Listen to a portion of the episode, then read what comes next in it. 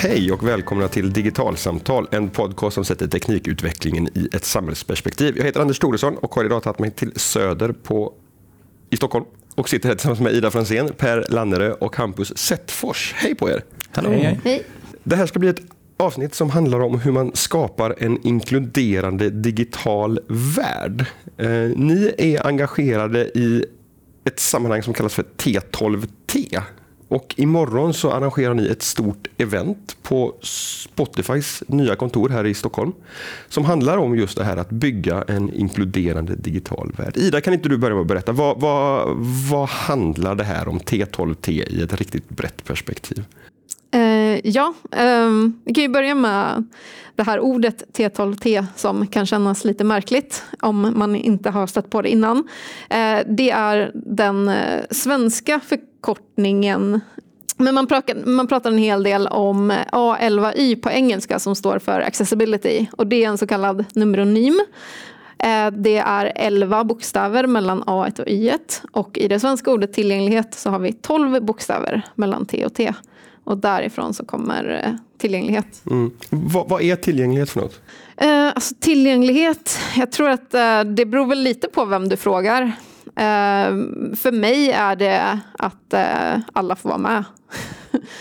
Eh, det, det är det det handlar om. Liksom. Eh, det handlar om eh, att inte explicit utesluta människor från olika sammanhang och det tycker jag är viktigt. Mm. Vad är det som händer hos, på, hos Spotify imorgon? Ja, på Spotify imorgon så har vi eh, vårt största meetup hittills. Vi har, eh, vi har arrangerat massa meetups. Eh, hur många är vi uppe i, eh, Ida? Är det 50? Ja, eller något sånt där, ja. genom åren eh, där det kanske kommer 100 deltagare i snitt, så här, vi har fyra om året. Och nu så eh, ska vi vara hos Spotify, deras eh, nya fina lokaler här i Stockholm och så ska vi ha ett eh, stort meetup där det kommer flera hundra människor. Det kommer talare från, eh, en talare från England som flygs in och massa andra bra talare som pratar om just inkludering och tillgänglighet i det digitala.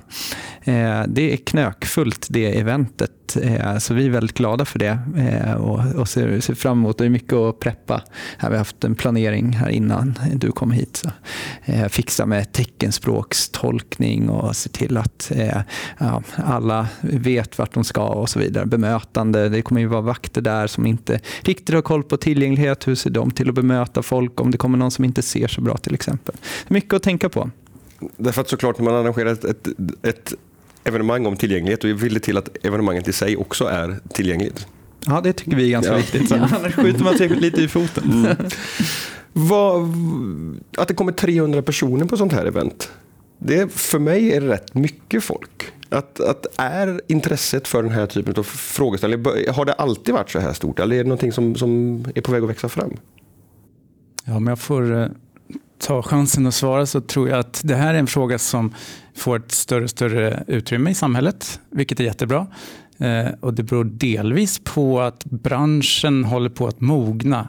Den digitala branschen mognar i alla möjliga avseenden. Det gäller integritetsfrågor, det gäller säkerhet, det gäller styrning och det här området tillgänglighet. Det är något som har varit eftersatt länge, varit beroende av eldsjälar och, och nu kommer det faktiskt en hel del lagstiftning på området vilket gör att det blir större. Det finns också en del eh, duktiga föredömen Tänk på till exempel Apple som har varit väldigt framstående inom området. De har ju blivit framgångsrika även i sin affärsverksamhet. Delvis tack för att många människor kan använda deras produkter. Eh, så det börjar väl komma en större medvetenhet om att det här är viktiga frågor.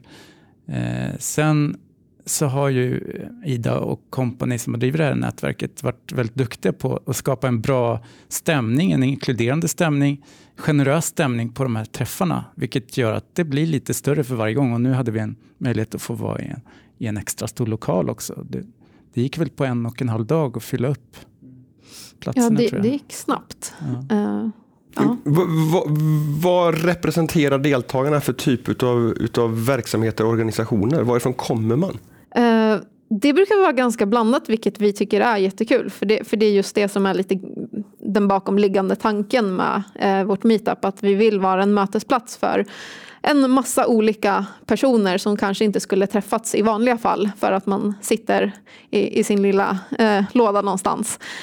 Um, så, så, eh, vi brukar ofta få den frågan, så här, är det ett tech-meetup eller är det ett UX-meetup? Eller vad, vad handlar det här om? Är det, för, är det bara för folk som jobbar, som har liksom den här, eh, de här tillgänglighetskraven på sig i sitt arbete? Och, och vi brukar väl svara att det här, det här är för alla. Så vem du än är så, så är du välkommen.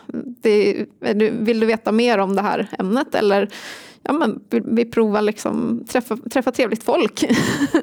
så, så, så kom. Så att vi, vi brukar ha en ganska bra blandning med eh, dels eh, dels techfolk, alltså utvecklare som jobbar, även designfolk och sen har vi en hel del människor som ja, men, de kanske kommer från ett helt annat sammanhang eh, eller är intresserade av oss på något annat sätt. Rekryterare eh, har varit liksom folk uh -huh. som pysslar med, med sånt. Eh, det, det, kommer beslutsfattare, det kommer folk som jobbar med innehåll. Ja, men på något sätt är de flesta någonting med digitalisering att göra. Så. För anledningen till att jag ställer frågan är för att du Per, du, du beskrev det som att nu, nu har branschen förstått att det här är viktigt. Men jag tänker att det här i ganska stor utsträckning inte bara är en, en, en fråga för IT och liksom IT-branschen, utan det här handlar ju om att, att allting i samhället digitaliseras och finns i digitala kanaler och att det då egentligen kanske är IT-branschens kunder som också i stor utsträckning behöver få upp ögonen och förståelsen för det här, eller tänker, tänker jag fel? Eh, Per, vad, vad, vad, vad, menade du när du sa att branschen ja, börjar få ja, det? Okej okay för att vi har haft nätet och våra apparater ett antal decennier nu, men det är ändå ganska kort tid om vi jämför med till exempel den fysiska miljön. Eh, hus har funnits ganska många hundra år, vad jag vet. Och eh, där är det självklart att en byggmästare som inte gör dörrar där det går att komma in med rullstol till exempel, eller med barnvagn eller vad det nu kan vara, eh, kommer inte få så många bygguppdrag efter ett tag. Men så har det inte varit det digitala. Det har varit eh, eh, lätt att få webbutvecklingsuppdrag även om du inte haft en aning om hur en skärmläsare funkar eller hur bred den är mellan hjulen om man använder en sån analogi. Eh, så det, det, sker en mognadsfas nu och det har tagit ett par decennier och den är inte långt ifrån färdig då, men, men den är på väg. Um, och det är klart, det, det berör både leverantörsleden och det berör beställare och, och, det får påverkan på oss som använder systemen. Mm. Jag skulle vilja bli lite mer konkret. Vi pratar om begreppet tillgänglighet, men vad, vad innebär det i praktiken? Mm. Alltså det kan, som, som Ida sa, kan betyda massa grejer. Vissa när man pratar om tillgänglighet och tänker ja men eh, mina servrars upptider, det, det, är inte det som vi pratar om mest. Utan eh, lite som, som Per var inne på, det kan handla om att om jag eh, ser väldigt dåligt eller är blind eh, och inte kan få den visuella informationen genom att titta på en skärm så får jag det uppläst för mig eller jag får det i punktskrift via en display som man har. Det kan vara att man ser, man ser lite grann eh, och inte behöver få det uppläst utan behöver förstora saker. Eh, det skulle kunna vara att jag inte kan använda mina armar så jag använder en knapp som jag sätter på min rullstols eh, nackstöd för att trycka på, på den och därav liksom tabba mig igenom en, en sajt och det borde funka. Det kan betyda att jag har dyslexi och har svårt för textinnehåll och därför behöver ha en film eller jag hör dåligt och vill ha undertexter. Alltså ni förstår, det, det är många eh, olika aspekter på det här men det handlar om inkludering och att alla oavsett eh, förmåga ska kunna ta del av digitala, eh, digital information och tjänster. Okay. Men, men, då tänker jag så här, det, det, det, normala sättet för in och output ur en, ur en dator det, det, är en skärm och högtalare för, för output och det är ett tangentbord och, och mikrofon för, för input. Eh, men finns det, finns det standarder, finns det färdiga verktyg för, för de som vill bygga tillgängligt? Eller måste man göra allting från scratch? Eller finns det massa funktioner färdiga i tekniken som, som, som de stora IT-jättarna och IT-utvecklarna liksom har byggt in men som svenska företag och myndigheter och, och andra är dåliga på att utnyttja? Um, jag tror väl liksom att om man går tillbaka, om man tittar på webben till exempel, så i början så gick det i stort sett inte att bygga den otillgängligt för att man hade bara text. Och text, ja, det, det, visst du skulle kunna skriva och använda väldigt, väldigt konstiga ord och då, och då, blir det såklart svårt för folk att ta till sig informationen. Men, men det var svårare att göra fel eh, precis där i början. Men sen började det komma det blev mer och mer avancerat. Och då blev det lättare att göra fel. Jag skulle vilja stoppa det. Ja. För, för att, att det var lätt från början, säger du, när det var text. Han- Handlar det om just det här att, att datorerna hade färdiga talsynteser för att kunna läsa upp text? Eller vad, vad var det som gjorde att det blev svårt att göra fel när det var rent textbaserat? Eh, ja, alltså ehm, när det var rent textbaserat då, ehm, om, man, om man återigen går tillbaka till webb, då är det ju HTML och eh, det, det fanns inte så mycket eh, det fanns inte så mycket olika slags saker att använda sig av. Webbläsare var ganska enkla. Eh, och, och det gjorde också att ehm, de flesta kunde, eh, ja, men de, det var lätt att liksom, de flesta fick vara med. Så att jag tror att många som eh, byggde webb på den tiden, de, behövde, de, de var inte medvetna om eh, vilka olika slags människor som tog del av innehållet. Eh, man pratade inte så mycket om det, men eh, grundtanken var liksom att det var för alla och det har ju ja, men Tim Berners-Lee som startade webben, han, pratar, han har pratat en hel del om det här också, att det, det är för alla. Eh, och det var en liksom viktig grundtanke.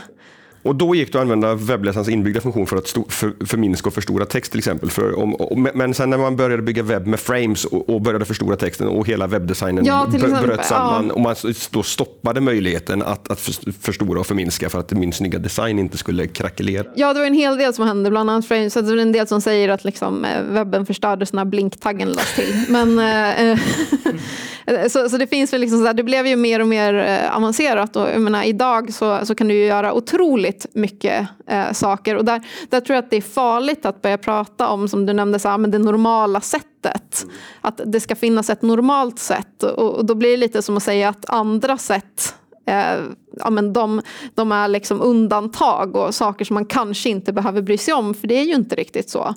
Eh, och, och det är ju det som är ja, men som jag tycker är väldigt häftigt med just digitala medier, att eh, det, är, det är inte en, ett smalt sätt som du kan tillgodogöra dig saker på, utan det är, du kan använda en mängd olika sätt. Och, och där tror jag det är bra eh, att eh, ja, men sprida den informationen och göra folk medvetna om eh, hur, hur det ser ut. För, för tyvärr är det ju liksom, om man, om man går, går tillbaka till typ de som sitter och bygger saker och de som implementerar saker i webbläsare och till och med liksom utvecklar nya standarder. Eh, de, de sitter ju också och tänker på det här normalsättet ofta och är ofta i en liten bubbla. De flesta som jobbar med det har lite samma bakgrund, ser ganska likadant, eh, bor kanske till och med i samma del av världen. Eh, och, och då, blir det, då blir det också bara en, man får bara en eh, sida av liksom det hela. Mm. Men om det var lätt att bygga rätt i början när det bara Mm. var text så, så gick vi in i en period när det var eh, inte lika självklart att det blev rätt och därmed så, så byggde man otillgängliga Mm. tjänster. Hur, hur, hur det låter som att idag, för att, för att bygga rätt, så å ena sidan så behöver man det som du antyder här, nämligen en förståelse för att det finns inte någonting som är det normala utan vi är, det, det finns massa olika typer av användare att, att ta hänsyn till. Men sen när man har fått den insikten och faktiskt vill börja bygga tillgängligt, hur, hur svårt eller lätt är det att faktiskt göra det? Beror nog på vad du ska bygga. Ja, okej. Mm. Eh, ska, eh, ja, men, ska du liksom eh, Ska du bygga något, någon väldigt avancerad applikation med mycket funktionalitet så är det såklart svårare. Det är svårare att bygga eh, sådana saker. eh, så, så det beror nog lite på eh, om det är lätt eller svårt. Eh, och jag tycker väl att har man, har man börjat få upp en förståelse så, så är det också lättare att bygga på ett bättre sätt. Mm. Sen, sen tror jag också liksom så här, jag tycker det är dumt också att dra eh, att det blir svart eller vitt. Liksom. Att det är, det är bra eller det är dåligt. För det är, det är ofta grått. Eh, det är väldigt svårt att eh, bygga någonting väldigt komplicerat som blir 100% rätt för alla. Mm. Men det, det, går, det, det går att göra bättre mm. alltid. Får jag, får jag mm. förstärka en bit som du sa där som jag tycker är viktig och det handlar om att liksom få en förståelse för, för eh, liksom målgrupperna eller de andra sätten att eh, interagera med en sajt på. För jag tycker att det är ofta där det, det spricker. Folk, det är webbutvecklare eller designers vill ha någon sorts checklista bara på ja, men det här är det jag ska göra. Det kan vara bra med checklistor, liksom. men om du inte förstår varför den här punkten finns i checklistan, om du inte, har, om du inte kan testa med en sån här skärmläsare eller förstoringsprogram eller har träffat någon eh, med autism som har berättat om vad som är viktigt, då är det väldigt eh, ja, men då blir det inte lika eh, lätt att göra bra saker. För då blir det lite som att man kodar eller designar i mörkret. Så man har inte, har inte koll. Så där, så att få folk att eh, testa lite själva. Det finns såna här hjälpmedel inbyggda i, i ens eh, mobil och dator. och Det gäller bara att få lite stöd och hjälp att komma igång och testa och använda det. Precis som att det är bra för folk som bygger fysisk miljö att eh, ibland sätta sig i en rullstol och, och så åka runt liksom på gatorna och märka att ja, men det här, den här rampen var nog lite för hög. Eh, och Då upptäcker man sådana saker i, i den fysiska miljön. Samma sak med, med webb och appar. Mm. Eh, väldigt mycket av utvecklingen som görs. Så här, webb, webben är ju ett ställe där vi utvecklar tekniska lösningar och där vet jag att det finns det ju massa standardorganisationer som, som driver tillgänglighetsfrågor på, på olika sätt. Så där finns det ju standarder att förhålla sig till som byggs in i webbläsare och så vidare. Men, men sen har vi ju hela app-ekosystemet på, på Android och iOS. Hur, hur ser det ut där? Hur, hur, hur duktiga är Apple och Google på att bygga API och funktioner för utvecklare för att de ska kunna bygga de här tillgängliga apparna? Vem vill ta den bollen? Eh, jag kan, jag kan mm, försöka svara. Eh, jag, menar, jag tror att alla, alla vi här kommer mer från en webbakgrund än appbakgrund.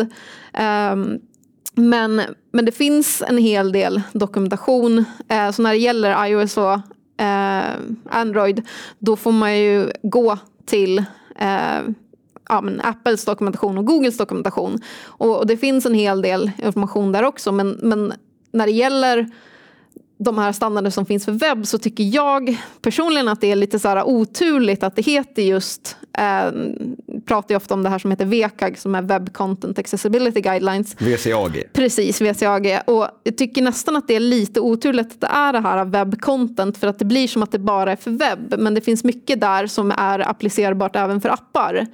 Eh, så, och, och, därför är väl jag är väl ganska, ganska entusiastisk över att det är lite så här, det är på G en ny standard som man kallar bara för eh, AG, eller går under smeknamnet Silver då, eh, som ska vara tillgänglighetsriktlinjer. Eh, som, ska vara liksom, guidelines precis, bara, inte, bara. inte, inte, inte, inte det. Så tar vi bort det här med webbcontent för att det är, det är väldigt mycket som så här, det är på samma sätt för det, för det är samma sätt du tillgodogör dig informationen så det blir inte så stor skillnad egentligen. Och sen är det såklart att det finns webbspecifika saker och appspecifika mm. saker men, men i stora hela så handlar det ju liksom om eh, hur man interagerar. Mm. Och, och att tänka på vilka interaktionsvägar ja. som finns. Ja.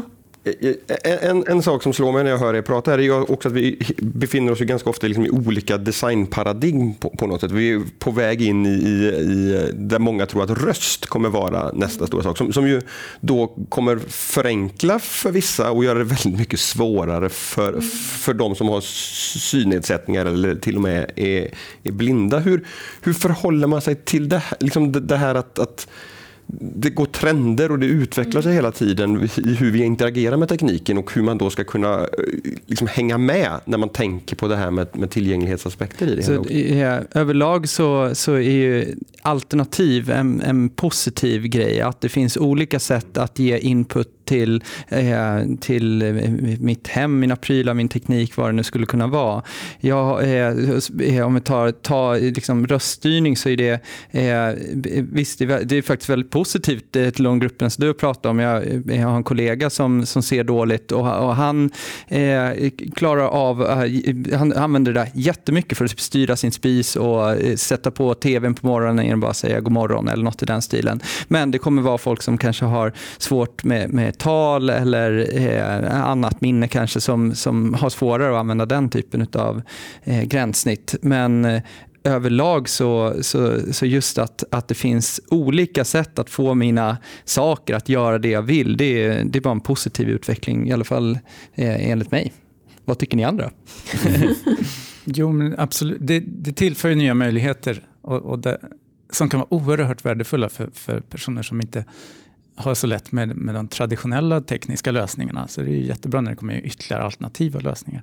Eh, samtidigt som eh, det blir viktigare att den som utvecklar lösningar faktiskt får en grundläggande kunskap om tillgänglighet och människors förutsättningar.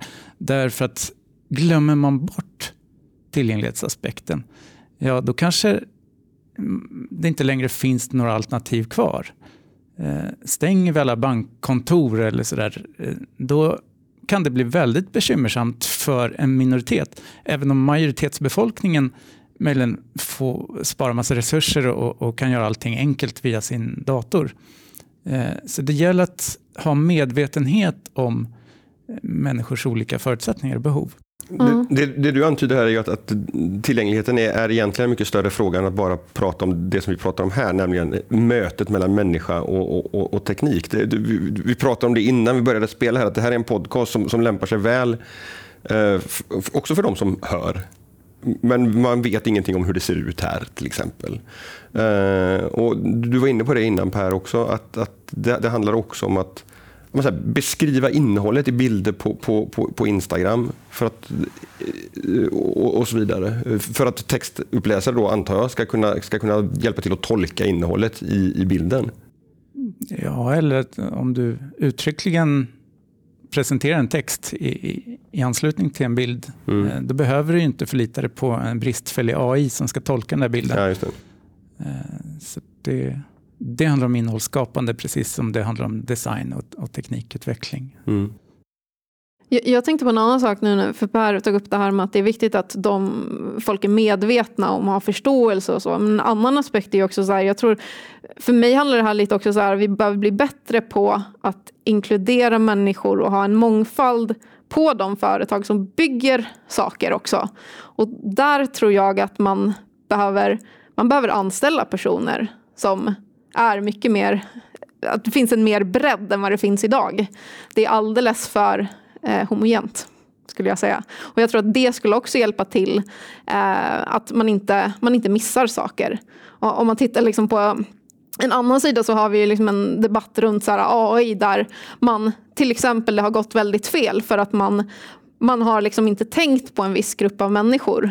Och eh, där hade man ju antagligen kommit till rätta med det om man hade haft ett eh, större underlag från början. Därför att det är bias i den träningsdatan. Precis, det, det är bias i träningsdatan. Och, eh, eh, det är liksom, det är samma när det gäller eh, tillgänglighet. Men har, har du redan från början, finns det personer på företaget eh, som har olika förutsättningar så kommer du inte ramla ner i den fällan att det blir fel. Och, så, så handlar absolut man ska ha för det, för det blir lite så här, jag tänker på det så här att um, när vi pratar om det, så att ja, den som bygger ska ha förståelse och den ska ha en medvetenhet. Och det känns lite som att man lätt hamnar i den fällan man utgår från att det är någon slags normal person. och jag tror det, det kan bli problematiskt. Att man utgår från att det fi- finns liksom så här, ja, men, eh, den personen som bygger det, eh, den har vissa förutsättningar och så ska den tänka på att de andra, och det är just det här när man börjar komma in på någonting att det blir vi och dem, det är farligt. Om man lyssnar på det här samtalet och sitter som tjänsteägare på en myndighet eller någon annanstans och tänker att jädrar, det där har med tillgänglighet har ju inte vi tänkt på överhuvudtaget. Hur, hur, var börjar man om man inser att men så här, det här har vi inte ägnat oss åt, men vi skulle vilja komma igång? Mm. Jag eh, tycker att man ska tänka det som, eh, många pratar om så här förändringsprocesser eh, och där de första stegen i de trapporna är att skapa medvetenhet, att eh, få förståelse, att börja inventera hur ser det ut i dagsläget. Men många hoppar direkt på till exempel ja, men kanske den här standarden som heter VCAG och så, ja, men vi ska uppnå det. Men men det kommer inte bli så bra om man har hoppat över de andra stegen med ja, förståelse och, och, och, så. Så jag, jag, tror på utbildning och sånt i första om man vill, faktiskt vill skapa mer inkluderande produkter. Om man bara vill ha en stämpel i boken, ja, men då får vi prata om det på, på ett annat sätt. Men, men vad men, menar du att skillnaden blir där om man, om man börjar med mer liksom, teoretisk förståelse då egentligen? Är det du menar? Ja, ja, precis. Eller en förståelse för vilka målgrupper det är och man, man är, eh, hur, man, hur man testar och vad det nu skulle kunna vara.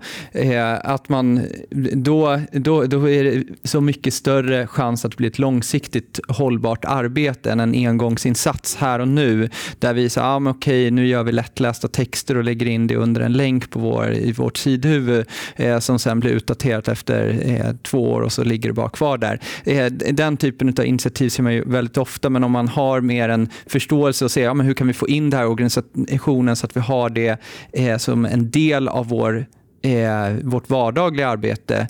Precis som vi kanske testar säkerhet eller sökmotoroptimering eller vad det nu skulle kunna vara. Eh, som en del av, ja, men vi gör det lite då och då, lite hela tiden i våra sprinter i, i våra agila processer, eh, så borde tillgänglighet också vara en sån del. Och Det kommer man inte om man bara hoppar på VCAG direkt. Jag tror också att det kan bli ganska tungt. i många som eh, reagerar. Man hoppar till VCAG direkt och så bara oh, uff, det är så långa text, det är så mycket punkter, det är så stort. Och, och det kan också bli väldigt fel, för det är något som ja, Hampus jag brukar prata om, här, de här små stegen. Det är ofta det som leder till någonting långvarigt. Och beständigt. Ja men precis. Så, att, så jag, menar, hellre, jag ser väl hellre liksom att man man, man, man ser till att så här, men vi, gör någon, vi gör någon liten sak eh, hela tiden. Så här, men varje vecka så, så tänker vi på en ny grej. Än att vi bara okej, okay, nästa vecka så ska allt vara eh, dubbel A i VCAG. Och nu, nu, kom igen. Du säger det så bra ofta, så här, små steg överallt hela tiden. Ja, det är precis. det som man ska liksom predika. Fast det låter också som en ganska långsam process. Mm. Vill vi inte att det här ska bli tillgängligt så snabbt som möjligt? Jag, jag ser nog hellre en långsam eh, positiv process där man känner att man hela tiden kommer framåt än den här eh, jätte man försöker göra något jättehopp och så blir det ofta, för jag har, jag har träffat många personer som de, de har en väldigt negativ inställning till det här för att det var så jobbigt. De skulle bygga någonting, det var krav, de fick en utvärdering och en tung rapport i knät som de skulle fixa liksom till allting på ingen tid alls och det blev otroligt negativt. Och eh, ofta där finns det ju liksom så här, man förstår inte överhuvudtaget att det handlar om människor. Det, det perspektivet har helt försvunnit utan man ser bara det här som krav. Precis som um, jag tror att många såg när, när det kom det här med GDPR att det var, liksom, det var mycket krav som skulle uppfyllas. Och det var, jag tyckte väl personligen att det var eh, hos, hos de företag som jag jobbade att det var väldigt lite diskussion om varför. Varför gör vi det här? Varför mm. är det viktigt? Mm. Jag, jag, tycker om jämförelsen med om du vill komma i form, fysisk form, så finns det ju många sådana här, ja men få eh, tvättbräde, mage på fyra veckor och, eh, liksom, och så kör folk på där i en månad månad. Och sen, men, men grejen är att ja, men det, dels kanske man tröttnar direkt för att det är för jobbigt, det är en för stor förändring här och nu. Och sen så eh, efter den där månaden så är risken att man slutar träna eh, för att man orkar inte ha i det tempot eh, och man liksom kommer ur form igen. Samma sak med tillgänglig. Tillgänglig handlar lite om att komma i form också. Och gör det, det handlar om en livsstilsförändring och att göra små steg framåt liksom hela tiden. Får jag tipsa om mm. några sådana här små steg? Ja. För att samma dag som vi har eventet eh, hos Spotify, T12T-mötet, så är det faktiskt den globala tillgänglighetsmedvetenhetsdagen, eller vad det nu heter, GAD på engelska, Global Accessibility Awareness Day. Eh, och då kommer det att publiceras en väldig massa föreläsningar, bland annat vårt evenemang kommer att publiceras online. Så det går att ta del av den, de presentationerna och låta sig inspireras av vad andra gör. Det är något som går ett litet steg att öka sin egen medvetenhet och kanske dela det med andra. Eh, en annan liten grej man kan göra eh, det är att lägga undan sin mus och prova att navigera på sin sajt eller sin app eller vad det är, nej, kanske inte app, men, men sajt med tangentbord. Eh, det är ett enkelt... Och tabba sig fram mellan ja, länkar och så vidare. Mm. ett, ett enkelt sätt att få en liten känsla för ja, men det är faktiskt inte alla som har den här tvådimensionella fria rörligheten. Eh, så det går att prova på. Hur funkar det då? Eh, det finns också skärmläsare inbyggt i nästan alla moderna apparater nu för tiden. Så prova att lyssna på din sajt eller din app. Hur låter den? Hörs det i rätt ordning? Går det att förstå det som sägs? Eh, ja, några små tips. Mm, jättebra. Ida, du pratar om GDPR. Per, du var tidigare inne på hur det ser ut med tillgänglighetsaspekter i den, i den fysiska miljön, inte i den digitala. Och då funderar jag på hur, vad, hur ser det ut med hur beroende är vi utav att företag och organisationer tar egna initiativ för att bli mer tillgängliga? Och hur mycket tvingande lagstiftning och regelverk finns det för att vara tillgänglig i den digitala världen motsvarande hur det ser ut i den fysiska? Eh, det sker en hel del förändringar på lagstiftningsområdet. Eh, i år så kommer lagkraven för offentlig sektor att eh, behöva uppfyllas för åtminstone allting som är nytt som tas fram av offentlig sektor, digitala från och med september. Eh, och inom inte så länge så kommer liknande regleringar att beröra även eh, privat sektor. Eh, och då är det de här eh, checklistorna, WCAG, som är grunden. Eh, vilket har sina ja, för och nackdelar då, som, på, eh, som Hampus har, har berättat om. Eh, så det kommer, men det finns också annan reglering som är lite mer eh, generellt eller lite vagare reglering som säger att människor ska få jämförbara förutsättningar oavsett funktionsnedsättning. Eh, och det är kanske inte exakt tydligt vad innebär det i praktiken då. Eh, men de här mer konkreta WCAG-baserade regleringarna är på väg. Men det innebär att vi inte är utelämnade till, till den goda viljan hos, hos folk, utan här finns det också faktiskt lagstiftning på gång som ska ja. se till att saker och ting händer. Det, det sker en klar rörelse i den riktningen, ja. Mm. Jo, det finns ju viss, alltså vi har ju diskrimineringslagen mm. i Sverige. Och eh, även om jag tycker att det kan vara kanske lite fluffigt där när det gäller det digitala, så jag menar den finns. Eh, så, så alla har ju ansvar, eh, de, eller de flesta i alla fall har ansvar. Mm på något sätt mm. idag. Även om jag personligen önskar ju att eh, vi skulle gå mer mot eh, att det digitala blev väldigt, det blev tydlig lagstiftning för det digitala. Jag gillar ju bland annat eh, som Norge har det. Eh, de sätter ju krav inte bara på offentlig sektor utan för alla eh, bolag och jag tycker att det är, jag tycker det känns vettigt. Mm. Men det är på gång? Mm. Det har redan klubbats i EU-parlamentet. Ja, precis. Det klubbades i mars, så mm. det var trevligt. Mm. eh, ert nästa event är som sagt redan imorgon. Det är fullbokat, så för de som lyssnar på det här så är det liksom ingen möjlighet att få ta del av det på plats, men ni kommer livesända på nätet om jag förstått det rätt, eller åtminstone lägga upp i efterhand. Vi kommer lägga upp. Yes. Om man vill hänga med i T12T-svängen, hur, hur gör man då? Eh, ja, man, man kan gå till vår eh, webbsida t12t.se. Så finns det, där finns det länkar till eh, dels vår meetup-sida och eh, även eh, till, vi har ett nyhetsbrev och så har vi en Slack som man kan gå med i och prata när det inte är event. Yes, vad bra. Stort tack för ett jätteintressant samtal Ida, Per och Hampus. Eh, och hoppas att ni som har lyssnat har fått lite nya insikter som ni kan ta med er för att se till att era verksamheter blir mer tillgängliga också i den digitala världen framöver. Vi hörs igen om en vecka i nästa digitalsamtal. Hej så länge!